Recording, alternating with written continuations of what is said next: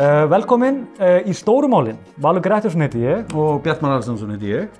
Uh, Sumika kannast auðvitað við okkur. Við hefum verið áður á kjarnanum og síðar vorum við á Ringbraut til skamstíma. Og ekki glemma DFF. Og ekki glemma DFF auðvitað. Voru á DFF. Já, vonum DFF, þeim er. Alveg rétt. Já. já, við hefum verið víða. Já. Uh, en nú erum við komin yfir á stundina og, hérna, og okkur langar þetta að tala um stjórnmál og margt að döfunni, margt hefur gerst. Já, verður að ræða á stórumáli. Já. Við í raun og veru hættum um mitt akkurat þegar faraldurinn var að hefjast. Já. Mér er svolítið fegin að það gerst. Já, þetta var, það var mjög góð ákvörðun. Já. Þetta var svona, e, litið tilbaka. Lítið tilbaka og svona bara hefði flókna að koma saman fólki í, í, bara í einu setti er, er bara... Þetta, þetta er ákveð, ákveðin, já, scenarió sem að þarf að teikna upp. En það sem okkur langar að ræða í dag uh, er uh, bank, fyrirhugu sala á hlut Íslandsbank, hlut ríkisins í Íslandsbank. Þetta var rosalega erfið fæðing. Þetta er greinlega mjög stórt mál, þetta var svo erfitt að koma í. Er það segir það með svo villandi hætti? Ban Já. bankasalan, e- e- eitthvað líka sko? Já, Að- hvað myndi vera fyrirsögn í hefur? Uh, fyrirhugu sala á hlut ríkisins í Íslandsbanka. Sástu, var þetta erfitt? Nei. Nei. En ég er auðvitað reygin ef ég myndi skrifa það fyrirsögn. Já, ok. Já, já. En til okkar er komin Bryndís Haraldsdóttir, þingkona, uh, þingmaður fyrir ekki, bara ekki hafa Bæði. þess að þér, Bæði. já, uh, sjálfstæðisflokksins og við, okkur langar aðeins að, að fræðast bara um sjónarmið, já, ef þið sjáu hund hérna, þá, þá er það óviðaðaleg, óviðaðalegum ástæðum, ég glemdi að skilja hann eftir heima, en það eru allir sáttu við það svo sem, hún heitir Polly og hún brosir stundum og, og bara hunsið hana. Uh, allavega, okkur langar að ræða satt um sjónamið sjálfstæðarflokksins þegar kemur að sölu uh, bankans og Bryndís hvað þessi hljóðs í vikunni og margt áhuga sem kom þar fram í þeim, þeirri umræði og ég held að þessi margt sem kannski má, má, má það er nöðsvægt að hlusta allavega Já, allavega heyra þetta frá öllum sjónarhóndum að þetta er mjög flókimál, það er mikið að breytum sem að þarf að taka tillit til og, og það er mjög erfitt, bara meiri sem blanar að koma sér inn í allar þessar breytur og, og, og, reikna þær út. Þannig að við erum að fara líka yfir, svolítið víðan völl yfir söguna og, og, og svona tröst stjórnarflokkana þegar kemur að því að selja hlut bankans og kannski það er óhjákvæmlega að minnast á hrunni vantarlega. Já, ég held að það við komumst ekki hjá því í þessari umræðu. Þó það sé jafn leiðilegt umræðin að það er, en þá verður við samt sem það er að taka það. Bryndís, velkomin. Takk fyrir. Eh, Ég ætla bara að byrja á því að spyrja þig bara, uh, þú, þið talið, Bjarni Benediktsson, formaður sjálfstæðarflokksins, talaði uh, svona, með, með einurðum hætti fyrir sölunni í vikunni og talaði annars vegar um að þetta myndi uh, gagna samfélaginu mun betur og endurheimtur eru, eru meiri og svo auðvitað þetta sjónamið sjálfstæðarflokksins sem allir kannast við svo sem um að bankar eigi að vera í, bara í, í eigu ríkisins. Bara byrjum þar. Já, ég, ég ætlaði nú að fara að segja mitt þegar ég var komin hér til að tala fyrir mun sjálfstæðismanna eða sjálfstæðisflokksins að ég get það ekki. Ég get tali, hérna, tala um mínir einin sjónamið og skoðanir. Sjálfsög. En ég held samt sem aður að flestir allavega, sjálfstæðismenn, ef ekki allir, séu sammála um það að bankar eigi ekki að vera í eigu ríkisins. Eh, kannski kunna einhverjum að finnast að bankar eigi að vera hluta til í eigu ríkisins og það er hægt að færa með því uh, einhver rauk. En það skemmtilega við það er að ég taldi nú reyndar líka að flestir flokkar væru á því að ríkið ætti almennt ekki að vera uh, svona stór þáttakandi á fjármálamarkaði með, því, með eignarhaldi sínu. Hver, hversu mikið er eignarhald bankana, eða ríkisins fyrir ekki á bönkunum núna á, fjármálamarkaði? Já, nú er það þannig að við erum með þrjá stóra viðskiptabanka, mm -hmm. Arjónbanka, Íslandsbanka og Landsbanka og ríkið á að fullu Íslandsbanka og Landsbanka og, Og hver er þá hluteld ríkisins á fjármálamarkaði núna? Uh, hlutdeild ríkisins, ó, býttu, erfitt þú spyrir mig um próf. Já, já, já, já. Það, En þetta er- er- þetta er vel- en það er mjög stór. Vel yfir 50% Já, já, já, og ég get sagt þér það að það er þannig að hérna, það er ekkert ríki í heiminum, svona á vestur ríkja skala sem að er jafn stór þáttakandi á fjármálamarkaði með eignarhaldi sínu. Það þekkist alveg að ríki eigi í böngum. Uh, yfirleitt er það hlutur eða kannski eitt banka en þeir eru þá margir á viðkomandi markaði. Þannig að tölurnar og samanburðurinn eins og sést ágætlega í greinagerðinni og, og í kvítbókinu um fjármálamarka að þá eru við algjörlega út úr kortinu með stærð eignarhluta ríkisins á fjármálamarkaði. Þannig að ég leit nú sannig, þannig á að það væru flestir sammála um það að til langra framtíðar þá ætti þetta ekki að vera svona. En það var það ekki þannig að við fórum að ræða það á sínum tíma á ríki að kaupa banka Nei, nei. og fórum hjá að kaupa banka, Já, heldur bara gerðist þetta Fáum þetta í fangið auðvitað. fengum þetta í fangið Já, já. og ég menna fljótlega eftir það voru samþykkt lög um það hvernig ætti að selja banka Einmitt. og hérna, þannig að það hlýtur nú að hafa sagt sína sögu um það að fólk sæði það fyrir sér að í framtíðinni þá er þetta ekki svona. Kemur það óvart þetta sjónamið sem við finnum núna? Það var alltaf frekar svona vafasum könnun, ef við ekki bara kalla það. Já, Með- með, með sem skilta kallan í gerðum. já, með tillit til trösts Já. af Bjarnar Ben. og, og til að mynda þar kemur fram að tröst til Bjarnar Ben sem er líka skrítin spurning að kemur, það er ekki svo hann sé að fara að selja þessa banka, alltaf ríkið, en, hérna, en allavega, þetta er samt endur speklað einhver litinu til að sem maður svona finnur svolítið í samfélaginu, sem er að svona að almenningur sé á báðum áttum með þetta, kemur það þeirra óvart eða hvernig svona metur þú þetta? Nei, nei, það kemur ekkit á óvart og, eins og þess að ég hef verið að tjá mig um þetta mál og notað samfélagsmiðla mína og spurt spurninga og fengið viðbröð. Uh, svona flestir í minni búblu eru þó á því að það er að selja bankana en það hefur alveg kemur nei, spórin hræða, nei þetta er ekki rétti tímin og alls konar vangaveltur. Og mér finnst það ekki óeðlegt, mér finnst það bara eðlegt og mér finnst það reynda líka bara að merkja um heilbriðt samfélag. Og það er kannski eitt af því sem við höfum lært af hruninu, að fyrir hrun að þá vorum við svolítið öll á sömu línunni og þess vegna held ég að sé bara mikilvægt að hlusta á hérna, ólík sjónamið í þessum efnum. Þannig að nei, það kemur ekkert óvart og auðvitað eru margir enn í sáru eftir þetta hrun og við erum allavega ekki búin að gleyma því. Allavega svona þær kynnslóður sem að voru komin til svona vits og ára þegar hrunið hérna skall á. Þannig að sjálfsögðu uh, skil ég það að fólk svona óttist og hugsi býtu og hvað. Og þá er kannski spurningin sem að ég hef líka vilja kasta fram býtu, en hvað ef ekki?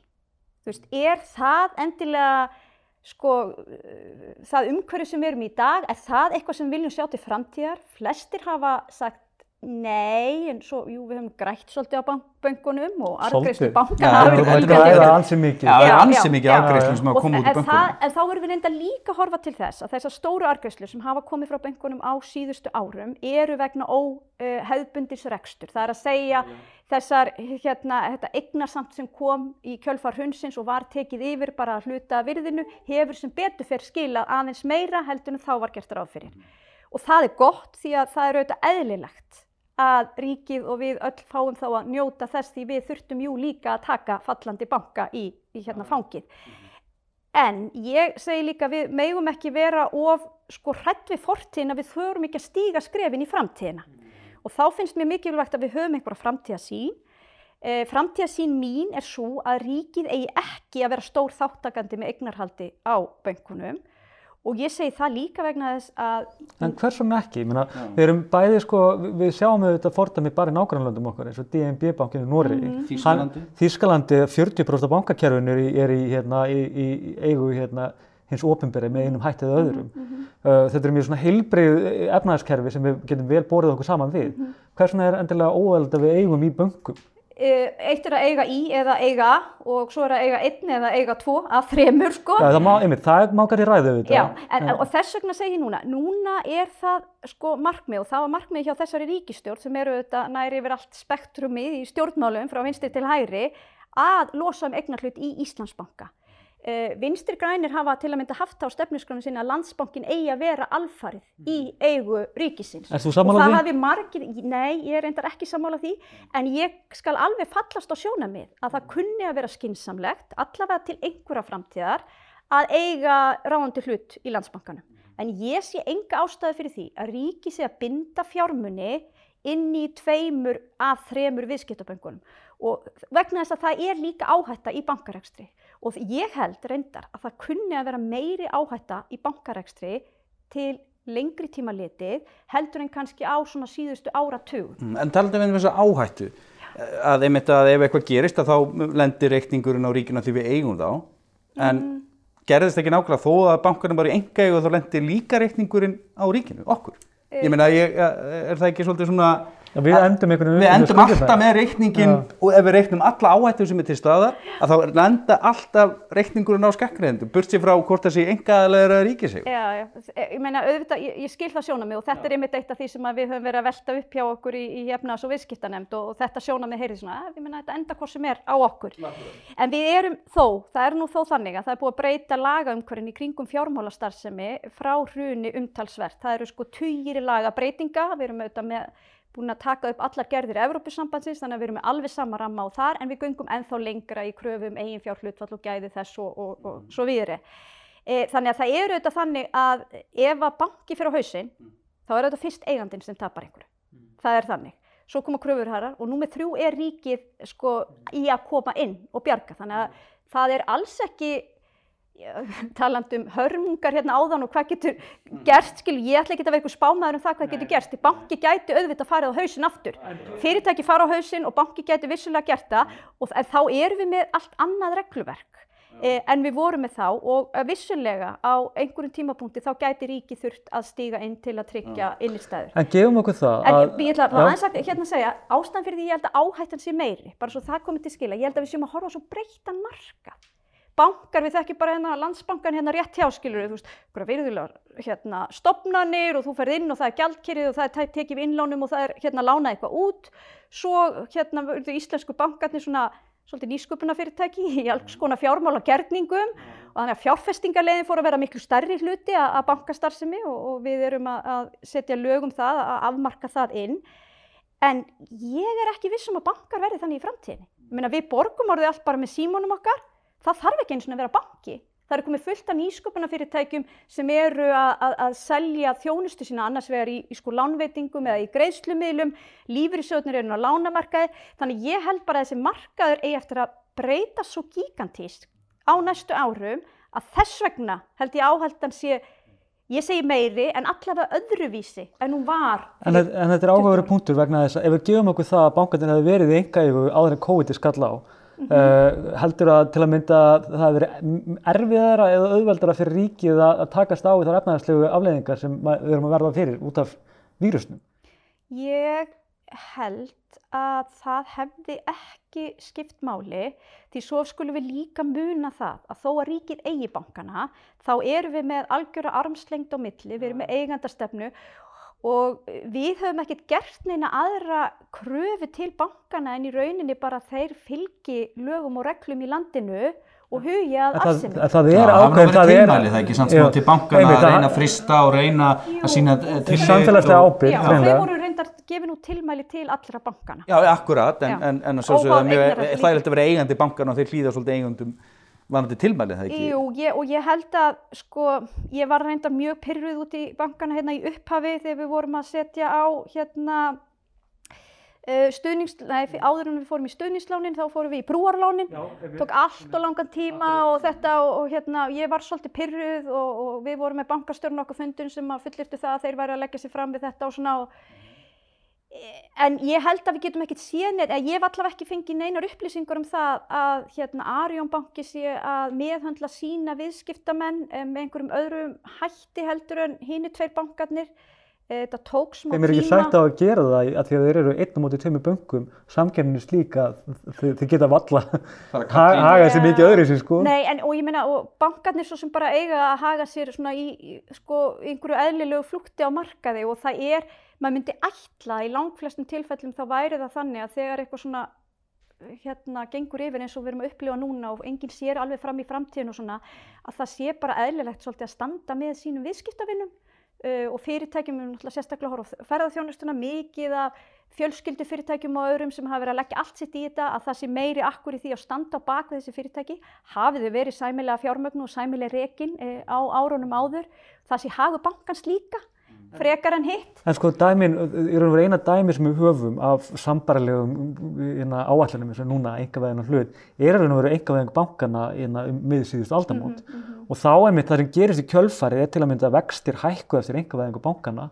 Uh, það virtist að það var gaggrínt þó að kannski það hefði gendilega verið sem svo en það var gaggrínt að þau ekki verið að að sinna minni og, og litlum fyrirtæki nægilega vel, mm -hmm. átu fjárfesting, snarjókst og arðgreifstur eru þetta gigantískar. Mm -hmm og ég meina, maður veldur fyrir sér það er ofbærsleitt fyrir akkurat núna læst inn í þessu böngum mm -hmm. og af hverju ætti ekki í raun og verið sagan að endur taka sig og sérstaklega eins og að alveg ágætla á og Guðrún Jónsson kom inn á í, í Silfur Egil's að, að, að selja banka í svona ástandi það er svona stór hluta lánasafnir í fristingu, mm. 20% það er 10% 10% ok, en einhver síður það er ákveðin óvissaðana að það laða að sér frekar svona áhættu sakna fjárfesta og þeir verða ekkert ellendi, við vitum það líka. Mm. vegna þess að ég meina ekki nefnum að kasti krónunni nema það sé ykkur, ykkur breyting að sjálfstæðarflokkurinn kemur að ESB og öfrunni þannig að maður, bara, maður spyr sér, spurningin er umvel að þessi bara sporin hræða, uh, ég, maður sér ekki endilega forsendina fyrir því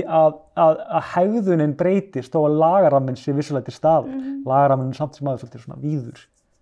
Uh, já, sko, því þú nefndi til dæmis argræslur, Já. þá erum við mjög stíf lög hvað það varðar og stífari heldur en viðast hvar í Evrópu. Uh, hvað var það fleira sem þú nefndir í þessari upptalningu með... Áhættusæknin, já, ég meina, nú er, þú veist, lagaraminn hefur einmitt allur gengið út af það og þú segir það er mikið fjöðin í bönkunum, já, vegna þess að við gerum aukna kröfu um eigið. Einmitt. Nú held ég sé að muna prósentur rétt, en það er ekki mín sterkasta hlið. Nei, nei. Mér minnir að bankastöru Íslandsbanka hafi talað um að í kringum 23% eigið fjö inn í bankanum.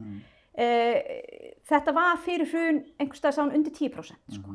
þannig að þetta er arðsemi eiginfjárs mun, það var miklu auðveldar að ná fram með arðsemi á eiginfjár áður þegar eiginfjár var þetta lítið hlutin heldur en núna. Eh, en við gerum þess að kröfur. Við erum með bæði sko hafa Evrópuríkin öll tekið upp auknar kröfur um eiginfjár inn í böngunum og líka gæði eiginfjársins þar að segja að það er mat á því í hverju þessi, þetta eiginfjár fælst Uh, og við höfum sett ennþá meiri eigifjárkröfur við, við svo hérna og það er reyndar eitt af því sem hefur komið fram í umræðinu núna sumir flokkar hafa talað fyrir því að þetta séu ómikla kröfur Já. Ég minnist þetta til dæmis að Sigmundur Davíð hafi rætt það mér sýnist Smárum að Já. karti líka kom inn á Já. það í álitunum sinna Og bankafólki sjálft er mjög pirrað á Já, þessu, þurfi það- eitthvað að velta þessu fyrir sér, Já, já. eh, hvort þetta séu of íþingjandi kröfur. Þannig að sko, þú, sporin hræða, já, vissulega, og við eigum að læra af reynslunni. Ég tel að við séum búin að girða fyrir það sem gerðist hér við síðustu engavæðingu og síðasta hrun. Og það sem ég hef kannski verið aðeins að segja, sko, að sjálfsögðu, ég, þú veist, ég vil heyra allar þessar raddur, ég vil, við förum yfir þetta allt.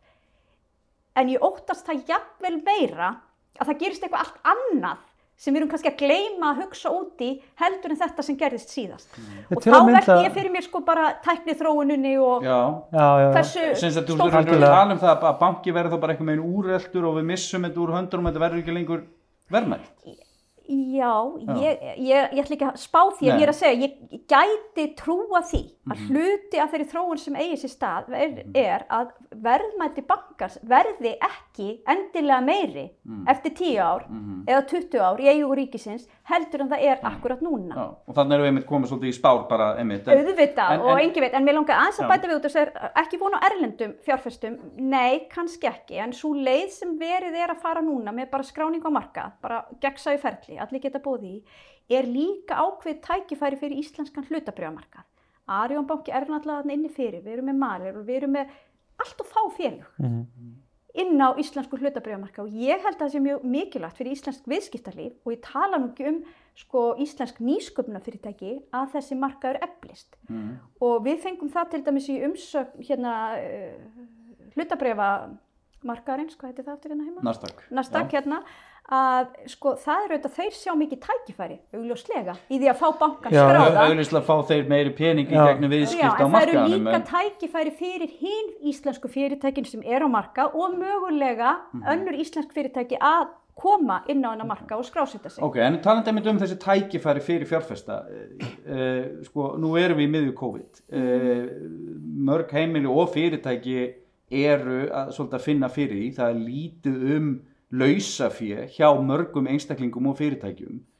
Akkur að velja þennan tíma uh, til þess að selja svona stóra hluti í bankanum þegar mjög margir einstaklingar og fjárfestur og fyrirtæki eru með lítið aðgang að lausafé til þess að einmitt fjárfest í bankanum. Er ekki betra frekar að koma þá kannski á betru stöðu tímabili þegar fjárhæðan eikst þar sem þá fleiri geta átt möguleika að kaupa bankan. Að því núna þetta tímabil sem við erum stödd núna, að það er mjög ákveðin þröngur hópur í viðskiptalífinu sem hefur aðgang á því lausafélag sem þarf til þess að geta fjárfest. Uh, já, sko, við þurfum þetta vissulega að velta fyrir okkur. Ég eiginlega sakna þess aðeins úr umræðina um hún hafi ekki betur farið út í þetta varandi tímapunkt. Mm Og hérna bara sko smá út af því að sumi tala bara eins og þetta sé allt í einu núna og það er rífið í gegn og svona, en þetta eru þetta ekki ný hugmynd að selja Íslandsbanka. Nei. Búin að vera að vinna því í rauninni frá því fengum hann í hendurnar, það er búið að skrifa þessa hvítbók um, um hérna framtíð fjármálagerðisins og það var lagt til hérna í byrjun árs að hefja sölu. -hmm. Uh, það var bakka með það vegna þess ymmit að þá uh, lendum við hérna inn í fórverði COVID og þá sáum við ekkert, við vorum í algjöru þóku, við vissum í rauninni bara ekkert hvar við vorum stödd og ekkert inn í framtíðina. En sem betur fer, þá er það þannig núna að við sjáum miklu betur inn í framtíðina. Það er búið að draga hérna aðeins frá glukatjöldunum og við sjáum það að, að bólusetningar og bara bjart sínis stöðullin okkar eh, er, hefur risið mjög mikið og við sjáum það líka í áhlutabriðamarkaði, bæði íslenska og erlenda. Eh, þannig að, að þýleitinu til þá er óvissan öll að skýrast og við erum auðvitað að tala um núna á næstu fimm mánuðum að, að fara í þetta ferli og ég ætla bara að spá því að þá verðum við öll bólusett og farin að hefja hefðbundna líf. Já, já. Um, en þú segir sko, er þá, er, er ekkert lausafjall til staðar? Mm. Það er reyndar þannig. Uh, og ég veit að því, þú, það er ekkert eins og sko, heimilinn séu að springa peningum, en vakstastíð er náttúrulega mjög lágt. Þannig að þeir sem eiga sparifé Já. og hafa verið að geima það inn á hérna bara innlánsreikningum í bönkunum, Mm. hafa jafnvel verið að fá neikvæða raunvexti vegna þess að vextir eru það lágir. Þannig að það er auðvitað hjá þeim sem þó eiga einhverja fjárminni og við erum ekkert að tala um, sko, þú veist, það getur líka bara verið amma og afi sem eru bara með sitt sparifé eða eitthvað þess áttar, við erum ekkert endilega að tala um eitthvað, eitthvað ríkaliði, sko, Nei, nei. að það er, það er augljóslega eftirspurn eftir öðrum fjárfestingakostum Ok. og svo verði ég auðvitað að nefna náttúrulega lífyrirsjóðinu Já. sem að voru beðnir um að vera ekki að fara hér erlendis með sitt fjármagn Mhm. en er sko vandamáli eða verkefni að leysa úr því hvernig lífyrirsjóðni geta fjárfesti framtíðar því að ég ætla ekki að tala niður lífyrirsjóðina því þetta er frábært kerfi sem við eigum og hérna skiptir miklu máli. Það er önnur umræða. það er allt önnur umræða en, en augljóslega er þetta þá líka tækifæri hérna fyrir lífyrirsjóðina að, að, að fjárfesta. En þetta er samt svolítið verður að viðkjöna, þetta er óhefnilegu tími fyrir mjög stóran hóp fólks. Ég meina, þú skoðar úttektur úr sérregnarspartnaði, þú skoðar skuldastöðu heimiluna hefur aukist, að, að það er búið að takmarka ákveðin partasamfélaginu til þess að geta tekið þátt í þessu útbúið. en það við fengum eru- samt þetta- mjög mikla þáttöku almennings í, út af, hérna, í Æsland er hlutafjárútbóðinu Já, akkurat, en næstu ekki eins og þau byggust við. En, en náttúrulega ef þú bara skoða tölunar hvað um litla fjárfesta var að ræða sem við sjáum á heilbröðu markaði, Já. þá var það mun minna heldur en þekkist í svona hlutabröðu útbúið. En auðvitað er þetta bara eitt orði yfir þetta, það er óvissa og það er auðvitað svona það sem sjálfstæðflokkurinn virðist eh, eiga erfiðast með þessar umræðu er þessi, þessi, gaggrinni að þessi óvissa og það er að tala um að það sé aldrei vissa, það er auðvitað rétt, ég skilaði þau svona með líka Það er aldrei en, rétti tíminu raun og vera því alltaf getur orðið betra eða alltaf getur orðið Já. verra. en, en reynd að segja almenningi sem situr núna heima frekar frústrirðar í einhverjum höftum um persónulegt hérna, frelsið sitt að það sé ekki óvissa, það er náttúrulega bara galið sko. ég er bara alveg sammála ég, ég velti því fyrir mér einmitt bara á slíkum tímum hvort einmitt, einmitt rökin óvissa eigi ekki hreinlega við hér fyrir ekki nokkuð nokkuð tíma fyrr. Jú, sko, það er rétt, við lifum auðvitað óvissu tíma og svo sannarlega upplifa það á, á síðasta ári. Eh, að- að- sama skapi, hvenær við lifum við vissu tíma, ég hefði sagt í desember í fyrra, Já, já, við lítið svona, við förum örlítið niður á við og Já, þú já. veist, við erum að ná jafnvægi í öllu og svona, en ég meina, svo var ekki raunin. Um, En það eru samfærdi rök, ég, ég, ég hef ekki heilt neitt samfærdi gegn því. Nei, nei, það er óvissa. Já, Og svo segjum við kannski betur, en hvenær er vissa? Er einhvern tíman ekki óvissa? En ég held kannski að það sé mitt verið að bregðast við því fyrst og fremst núna með því að við erum að fara í að selja lítinn hlut af Íslandsbanka. Já, þetta er Þið nú heyrið 25% Það er Já. 20%. 30 miljardar sem er alveg ja, Já, svolítið stórt í íslensku Já, efnahagslífi en, en sko, ég meina, út af því að þið voru að spyrja mig hérna í upphafi sko á ríki eða banka og svona, ég hef sagt nei, bara, þú veist, losum um Íslands, Íslandsbanka allan sko, við eigum landsbanka fyrir, þú veist, þannig að ég hefði verið Þannig að þú hefði talsmaður, bara viljað selja 100% núna, bara á næstu 5 mánu ekki núna vegna óvissunar, Já, ok, En hérna, já, ég hef já. örgulega sagt það ymmit í lók síðasta árs, bara nú er komið tími, við erum búin að gera lagarama, við erum búin að gera svo hvítbók, við erum búin að fara í gegnum þessi ferli, byrjum þetta.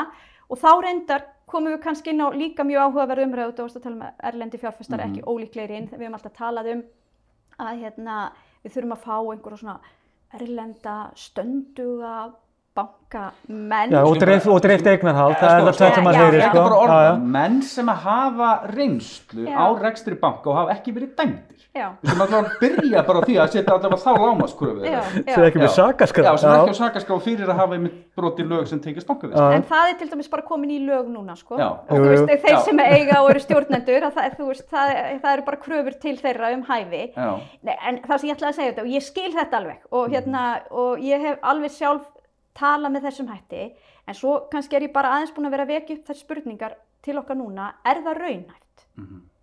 e, fyrsta sem, ok, er, er raunhæft að einhver hafi áhuga, einhver erlendir aðeins hafi áhuga að koma inn inn og svo annað er það raunhæft fyrir okkur að ákveða hver á að eiga banka eða einhver annað fyrirtæki, skiljið mig.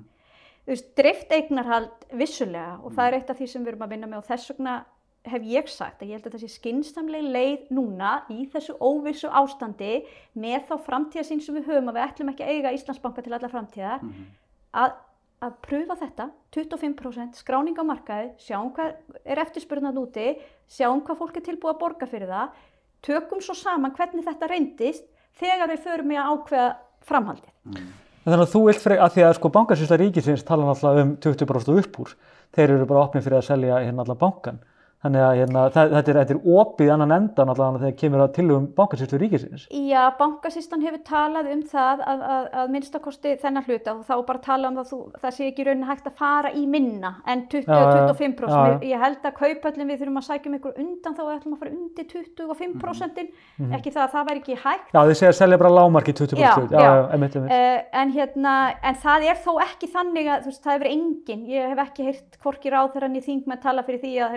bara seljum hann allan sko. Mhm. þannig að þegar fólk er að segja þá er það líka bara hrætt við þetta, við höfum ekki vilja takmarka ymmit út að við viljum dreifta eignahald eða koma rosalega margi fram með Mhm. hérna uh, látt þess að tilbúið í lítinn hlut að þá fara þá aðeins herra og leifa þá öllum að vera með í því Já. þannig að þess vegna við, í staðin fyrir að njörfa okkur alveg niður, mér minnir að við segjum í álitinu meiri hluta efnaðs og viðskiptar ekstra bilinu 25 til 35 eða 25 til 30, þetta er ekstra þessu bili. En En- hvað segjum við það, sorry, fyrir ekki, hérna, segjum við það annað, hérna, þau rauk, eða hvað maður að segja, þau, svo gagginni sem er komið fram um að vera ekki að selja þetta rétt fyrir kostningar.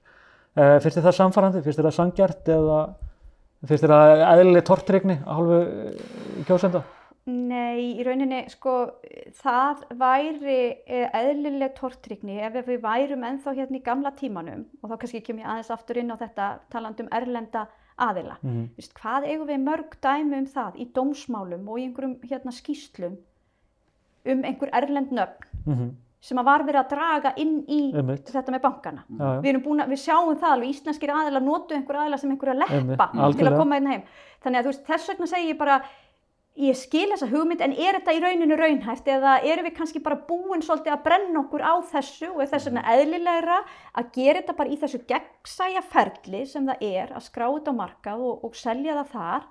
Og þá ætti tortryknin að vera mun, minni hjá almenningi og þá ætti tímasetningi sem slík ekki að skipta máli og sérstaklega þegar við horfum til þess að það náttúrulega hafa verið kostningar hér langi bannið, þú veist, þú getur enga veginn reikna út hvernig eru kostningar og En hvernig eru hvað með, kostningar sko. hvað með, þú veist, eins og bara kanna frekar vilja almennings þegar kemur að þessu og eiga dýbra samtali við almenning þegar kemur að bankakerfinu Mm. og hvert við viljum sjá það stefna. Það er verið með einstökum aðstæðan til þess að endurskipilega einhverleitinu til hugafarið okkar og þegar kemur bæða bankakerfinu, hvað viljum fá út úr því og svo framvegis. Ég skilu þetta hugmyndir eh, margar sjálfstæðismanna um að þeir vilja bara selja og sitja á markað og treysta á markaðinu. Losna við þetta. Og já, já, ég meina það er, og þetta eru ykkur rauk fyrir því, en, en almenningur kannski hefur ekki endilega þá skoðun og hann kannski velti fyrir sér, er kannski hægt að struktúra þetta, nota þetta einstakar tækifæri hreinlega til þess að struktúra bankakerfið þannig að hagnist þjóðinni sé best og, hérna, og sé ekki endilega bara að fólk, veist, þú heyrir nú upprópaninnar, þó að maður endur speklaði núna að maður getur að meina það þannig að þetta sé þannig, en þannig upplifir fólk þetta sem er einmitt að það sé vera að afhenda vildarvinum eða, eða einhverjum, eða alltaf sama fólkin einhvern veginn auðavinn og þar alveg að vera hérna engavæða hérna gróðan og ríkisvæða tapið, svo við heyri svo oft, skilur Þannig að hvað með bara, veist, að, svolítið svona eðlilegt samtali kjósendur bara um það, hvert við viljum stefna með bankakerfið okkar. Já, ég ætla aðeins að byrja eh, þetta sem þú segir sko, hérna, þú veist, vildarvinir og þetta Mm. Og nú veit ég, þú veist, Já, þið þekki þessi mál mjög vel Já, já. og þið vitið auðvitað að með því að skrá hlut á markað og selja hann þar, Já. þá er það ekki það sem á sér stað, nei. það Nei, er gegnsætt ferli. Við, það er allir sammálið það, Já, já. en þetta er auðvitað svona, svona kannski svolítið svona mantra sem Einmitt. í heitapottinum eða eitthvað svona sko og, og kannski oft, þú veist, fólk ekki sett endurspegla- algjörlega inn í þetta eða já. er bara ennþá hrætt og, og maður skilur endur spekla vantraust. Já, endur spekla einhvað vantraust uh, og það er auðvitað bara eitthvað sem við þurfum að komast yfir í, í umræðinni. En Mhm. uh, þú sagðir hérna áðan um eitt eiga frekar í samtal við þjóðina, hvernig sér þjóðin fyrir sér framtíða bankakerfi, hvernig þjónar það best uh, hagsmunum íbúa. Mhm. Uh, þetta er nú, uh, það er svolítið þessi lína í, í hérna, umsögn Odnjar Harðardóttur eða samfélkingarnar allavega í efnaðs og viðskiptanemnd Mhm. ég var einmitt að lesa þetta yfir í gær og svo svona já, þetta hljómar kannski voða vel, en hvað erum við að tala um strákar í alvöru? Hvernig, sko, við erum búin að taka lagaramann í gegn, ég skil það, þú veist, og við höfum átt í samtali um bankana og bankahrunið frá hruni sem þjóð, í, því hafið sem fjölmilamenn og í allum helstu spjallþættum og svona þá hefur þetta reglulega komið upp, við hefum verið með nokkra kostningar, þetta hefur sjálfsögur verið rætt í kostningum, verið komið þess að kvítbók og allt þetta. Sko en þá bara veldi ég fyrir mér, sko, eins og ég segi, þetta er svolítið svona romantísk hugmynd, en hversu raunhaft er það?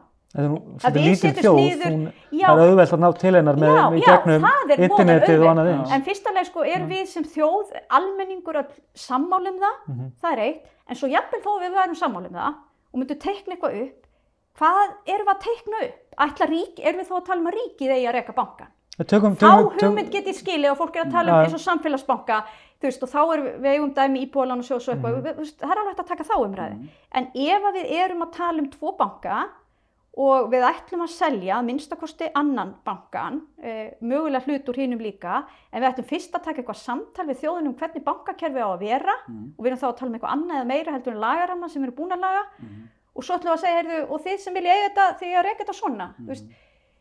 ég meina, ég var að taka umræðum hvernig við svo- viljum svo matvælaverslun eða e, það var flugfélög ekkert eða... vitað sko. Já, ég, meina flugfélag, ég meina þau eru ríkið segjum mörg þeirra en, en, en, En ég meina, virkar það, sko, ég er að segja, Já. þetta Já, er já, ég, ég skil tóttir já, já, tíma en, einmitt, en, einmitt sko talandum vegna þess að maður tekið svolítið eftir í þessar umræði einmitt að það er verið að benda á hvernig vestranríki eru. Það er verið að benda á að í fáum vestranríki séu e, ríki að hafa afskipta af bönkunum og e, þó svo, ég meina það er eitthvað tilfelli eins og við nefndum á Þýskaland með 40% af bankaðinum er í ykkur, ykkur ofubera aðila. En sko þá kemur einmitt að því er ekki svolítið erfitt að miða okkur við ellenda markaði þá sem sagt hotla eh, vel markaðsetta og, og, og fjármagnaða ellenda markaði þar sem að við erum bara það handónýtu markaðar við getum í sinni ekki fengið ellenda aðlættir að kaupa bankan okkur Ég meina, er erum við kannski... handónýtur, Já, já, nei, ég meina, það, það, það er, við erum að En- tala um markað Já, sem að við getum ekki einu sinni lúrað inn ellenda fjárfesta til þess að koma og kaupa hlut í banka. Já, tilfinningin er svo að þetta sé annarkvort markaður í höftum Já. eða markaður sem er einhvern veginn svo uh, út úr, svo mikið að krossagnir tengslum Ah, að það sé einhvern einlega leiðindir að lifta honum upp. Já. Það er svolítið svona verið mantran síðan Sko, 20 ég meina, getur við, þú sagði lokka erlenda aðila Já. til að koma hérna og fjárfest í banka, sko, mér langar ekkert að lokka erlenda aðila í það, en ef að erlendir aðilar hafa traust og trú á Íslandsbanka, þá fagna ég því svo sannarlega að þeir fara og fjárfesti hér í gegnum opin og gegnsæðin hlutabriða marka. Einmitt. Og það er kannski það sem ég var að segja áðan, Já. varðandi þetta, þú veist, einmitt, fá erlenda fjárfesta og við sjáum alltaf fyrir okkur einhverja hérna, einmitt, þíska kalla sem hafa reikið banka í langar Einmitt. tíma og eru svo ábyrgjur og eitthvað svona.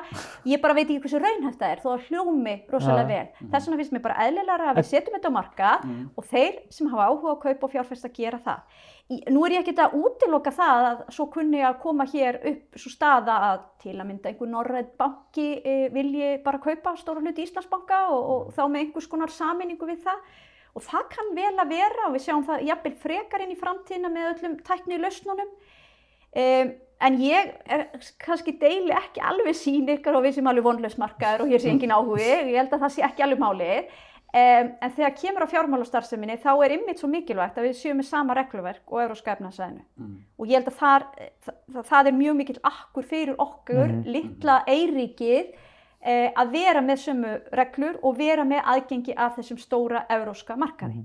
En við höfum gengið enn lengra vegna þess að sporin hræða og við erum brend af hruninu og vegna þess að við erum auðvitað bara lítið loka kerfi og þannig að við vitum að svona hluti geta haft kannski jafnvel meiri áhrif hér heldur en þó einhver banki fyrir á hausin í Þýskalandi að þá höfum við verið að gera þessar auknu kröfur. Og það held ég að verði kannski umræðan á næstu misserum. Er eðlilegt, ætlum að halda okkur við þessar kröfur eða ætlum við að færa okkur af því sem að hérna, aðrar Evrópu þjóðir er að gera. Ég segi á þessum tímapunkti ég held við þurfum að halda þessum kröfum. En sko, bara eh, aftur að tröstinu, bara örstuð svona kannski í lókið. Já, já, ég var einmitt, ég var einmitt að sama sem ég ætlaði að spyrja um. Einmitt, já, með tröstið einmitt, þá sko erum við með hérna, uh, enga, eina engavæðingaferli sem svona stóri bankur í Íslandi að fara í gegnum var undir stjórn uh, þá er uh, framsvonarflokksins og sjálfstæðarflokksins á sínum tíma. Það er löngu fyrir þeim tíma og ég var bara ungu maður og maður valla maður munið neitt eftir í og, ein, yngri, já. og, ein, og engin leið að hérna, hegna einum en einum fyrir það náttúrulega nú er þetta kynslu stórmálamanna En nú hefur við sömu flokka ríkistjórn, Vafki að auki, og maður veldi því fyrir sér, uh, fannst þið til að mynda engavæðingaferli á sínum tíma vel hefnað? Og, og, og myndir þú segja að því að almenningu leit þannig lagað ekki á það, en það var kerfið hrunið nokkurn veginn mörgum ástæðum, ekki út af engavæðingunni, en að þetta var kerfið hrunið einhverjum 5, 6, 7 áru síðar.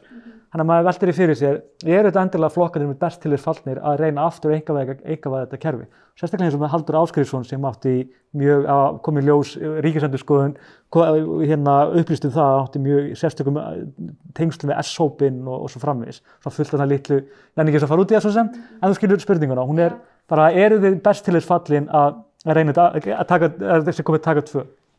Uh, ég verða að svara þeirri spurningu játandi vegna þess að ég tel að sjálfstæðsflokkurinn sé best til þess fallin að vera í ríkistjórn ávalt Ok.